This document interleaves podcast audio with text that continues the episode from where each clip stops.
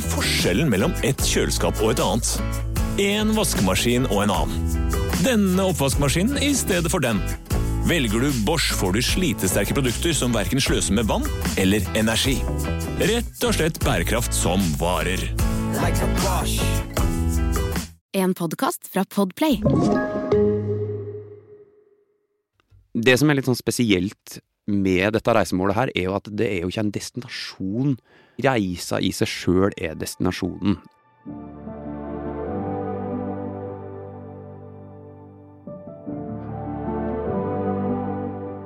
Hei, dette er Daniel Kvammen, og i dag skal de kan få være med på en tur gjennom Jotunheimen. Og de kan skal få lære noen av mine helt unike fjellvettregler. Jeg har valgt meg Jotunheimen, rett og slett fordi at det er en helt sånn eh, fantastisk eh, naturopplevelse som går ifra de grønnkledde slettene der det er saueskit og lyng og tyttebær, og all slags eh, sommerlig varme, til at du på én dag kan bare fly opp i høguten og gå på isbrea og snaukledde fjell og vinden som biter i ansiktet. Det er jo ganske spektakulært, da. Eh, jeg tror jo grunnen til at jeg endte på Jotunheimen, er fordi at jeg har gått der sjøl og kjenner ganske godt til området. Eh, nå innser jeg at jeg kanskje bare har gått der ei gang, men jeg har vært der ganske mye på sånn Jeg har spilt på Vinjerock og sånne ting, så jeg har jo, det har jeg vært på. Men så har jeg hatt én jeg har hatt én reise gjennom Jotunheimen som var helt sånn fantastisk. Det var en som var for et par år siden. Der jeg gikk gjennom Jeg starta på Sognefjellet, og så fulgte jeg sånn rute gjennom hele eh, Jotunheimen og endte opp i Hallingdal. Og det er ganske langt. Og eh, det kan man sette av kanskje fem til sju dager til, liksom, å gå gjennom der. Og eh, det var en ganske sånn stor opplevelse for meg, som jeg fikk eh, dokumentert veldig godt på Instagram, og lever veldig godt på fortsatt.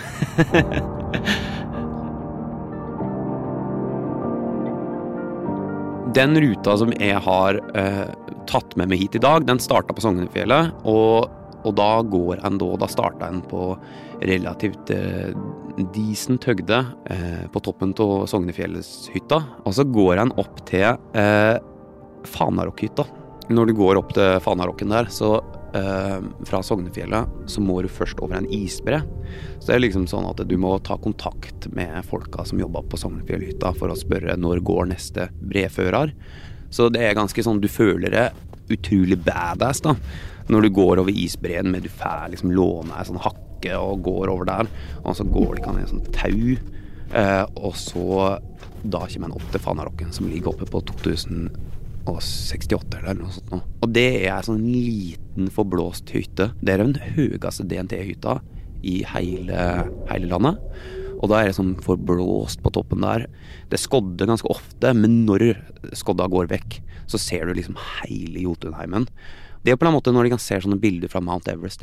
Som, eh, som du tenker sånn Herregud, kan det bli så, det bli så fint? Det, sånn er det der oppe. Du er liksom på en måte så nære himmelen som du kommer. Bokstavelig talt.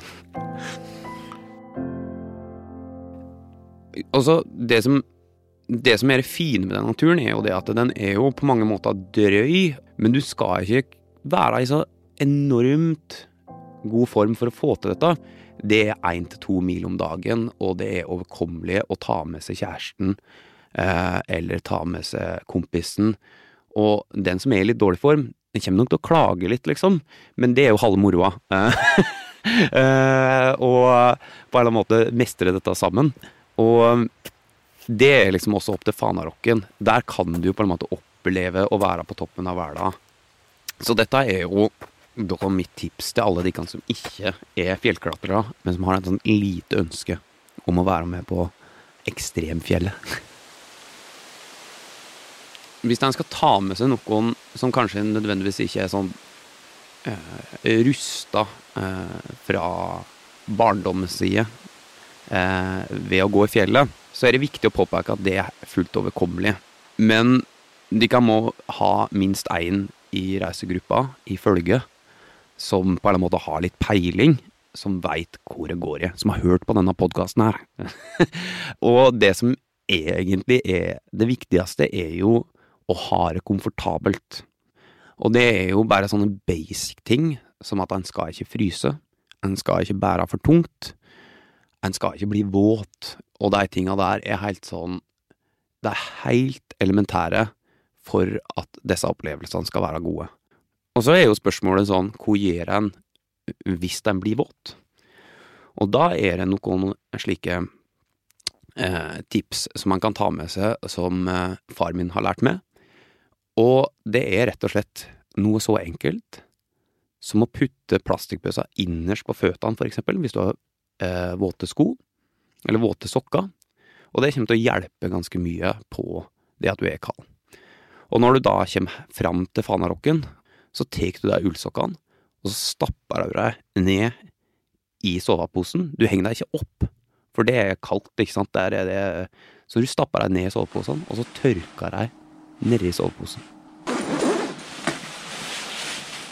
Det vi skal videre nå, nå skal vi rett og slett videre inn i Jotunheimen. Og nå virkelig sånn, for nå står vi liksom fortsatt på randen og kan se utover Sognefjell. Og altså, nå, nå, kan vi liksom på en eller annen måte fortsatt snu. Men nå skal vi liksom inn i djupet. Og det er en tur der du rett og slett begynner da oppe på Fanarokken, og så bare detter du og detter og detter og detter.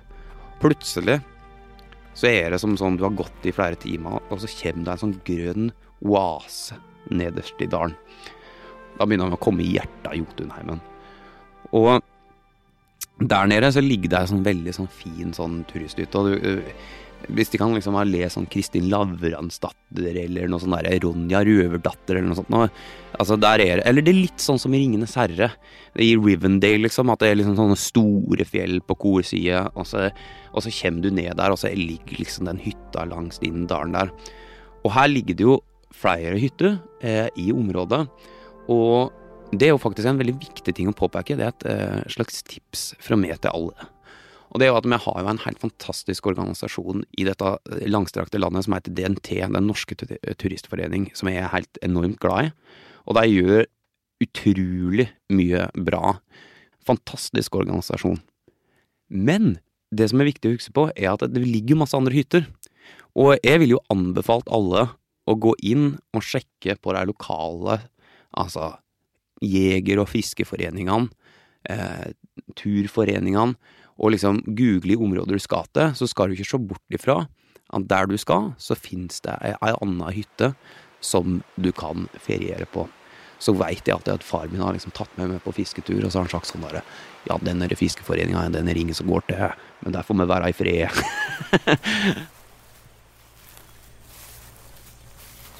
her kan han jo på en måte bestemme seg for hvor langt han vil gå, men jeg må jo påpeke det for alle som begir seg ut på den turen her. Når du er på Sogndalsbøen, så blir det to dager til uansett hvor du vil eller ikke, for da er du ganske midt inni smørja, så du må liksom gå ut igjen.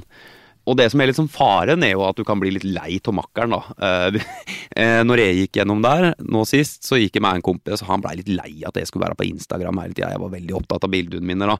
Så han blei nok litt lei av det, og gikk og surmula litt med han og bikkja gikk litt foran meg mens jeg sto og tok noen selfies. Men det som er så flott, er jo det at eh, i fjellet så er det jo alltid er så mange fine folk å møte på, og dette mener jeg liksom av de virkelig store opplevelsene med norsk eh, fjellopplevelse. Eh, dette sosiale, og at alle er så hyggelige. Og det er jo liksom det fine med sånn Jeg husker da vi kom ned på Sognadalsbøen der, så blir man liksom sittende der i en ganske sånn svær stue.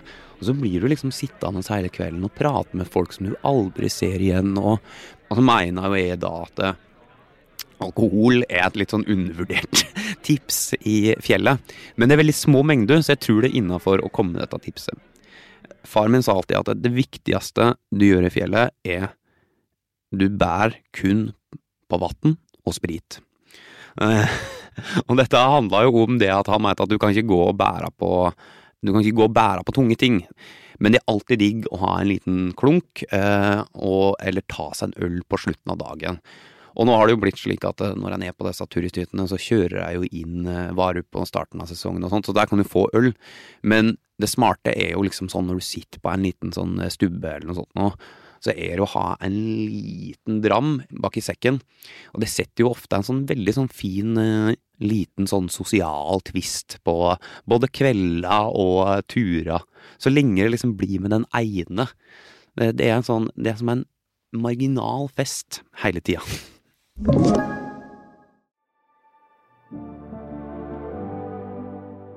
er vi på dag tre, og eh, nå skal det jo over en ganske sånn heftig og lang fjellpassasje når vi skal følge vår rute.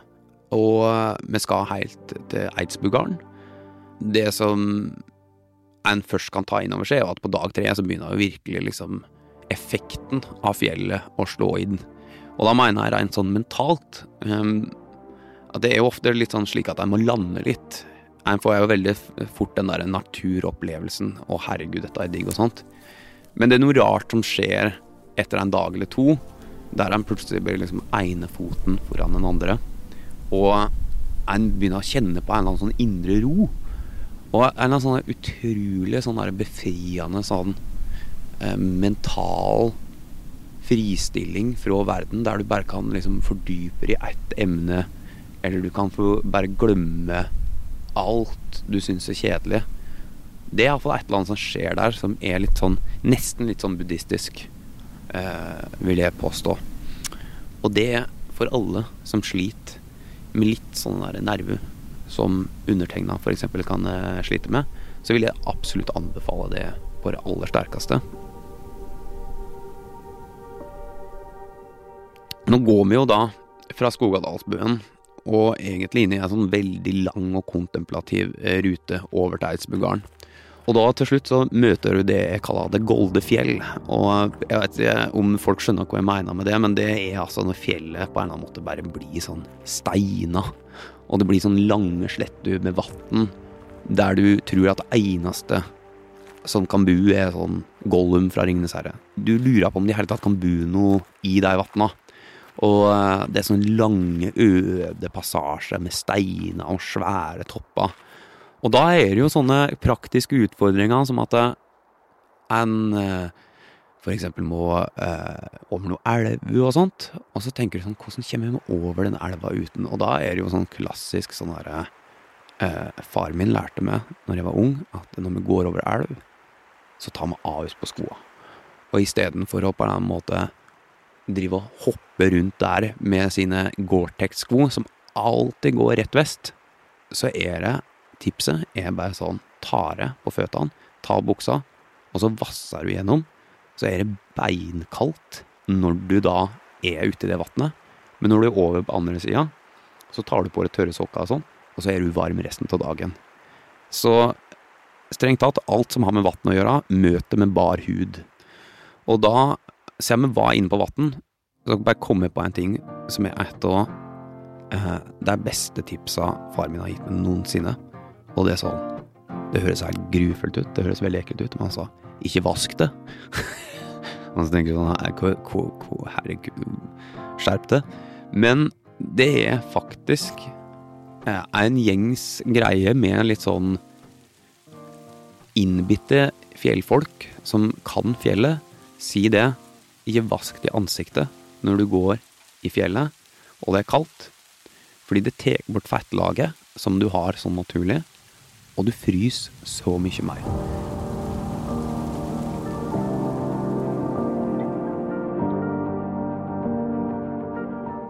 Og det som, det som blir enden på visa eh, av alle disse fjellovergangene, alle disse elvene, alle disse eh, øde landskapene oppe i toppen av Jotunheimen, der det bare er stein på stein på stein og vann på vann på vann, er at det plutselig så kommer du ned i eh, altså Jotunheimens Ayanapa.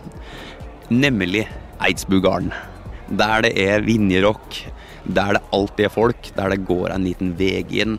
Så det er jo liksom festplassen i sjølve Jotunheimen. Eh, flere hytter en kan velge av. Og det er alltid liv og røre. Og det kan folk legge hvor de vil i, men det kan bli ganske moro. så der kommer du jo til å våkne litt sånn eh, bedruget opp. Eh, du kommer jo til å liksom kanskje ha en litt sånn tung dag videre.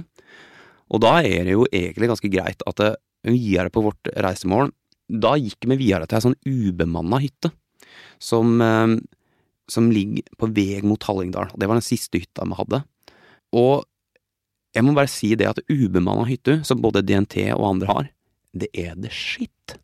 Det er altså så hyggelig.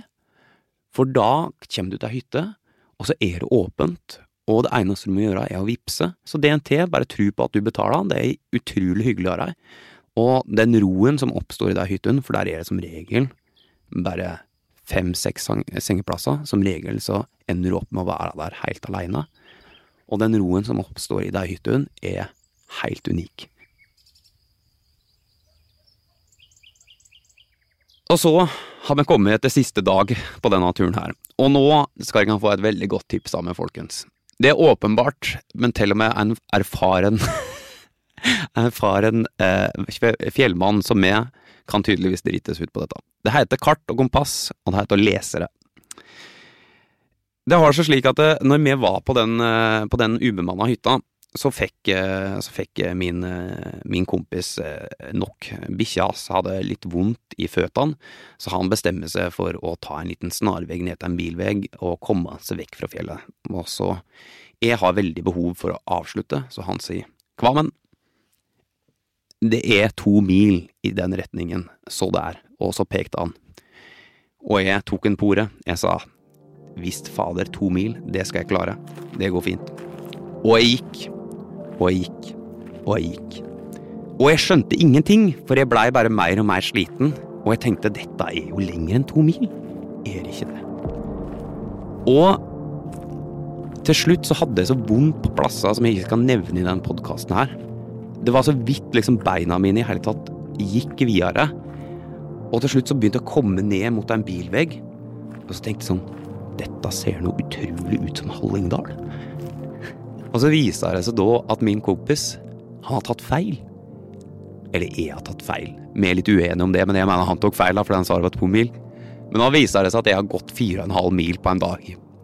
Jeg må ha gått forbi ei hytte eller noe sånt nå, som jeg egentlig skulle sove på for å gjøre dette ferdig, og havna da to mil lenger ned i gata før jeg nådde en ende. Og så kan jeg jo si, dette er snikskrytkvammen, og det er det. Men det var også noe av det jævligste jeg har vært med på. Så jeg lover dere det, folkens. Et klassisk tips helt til slutt. Les kartet.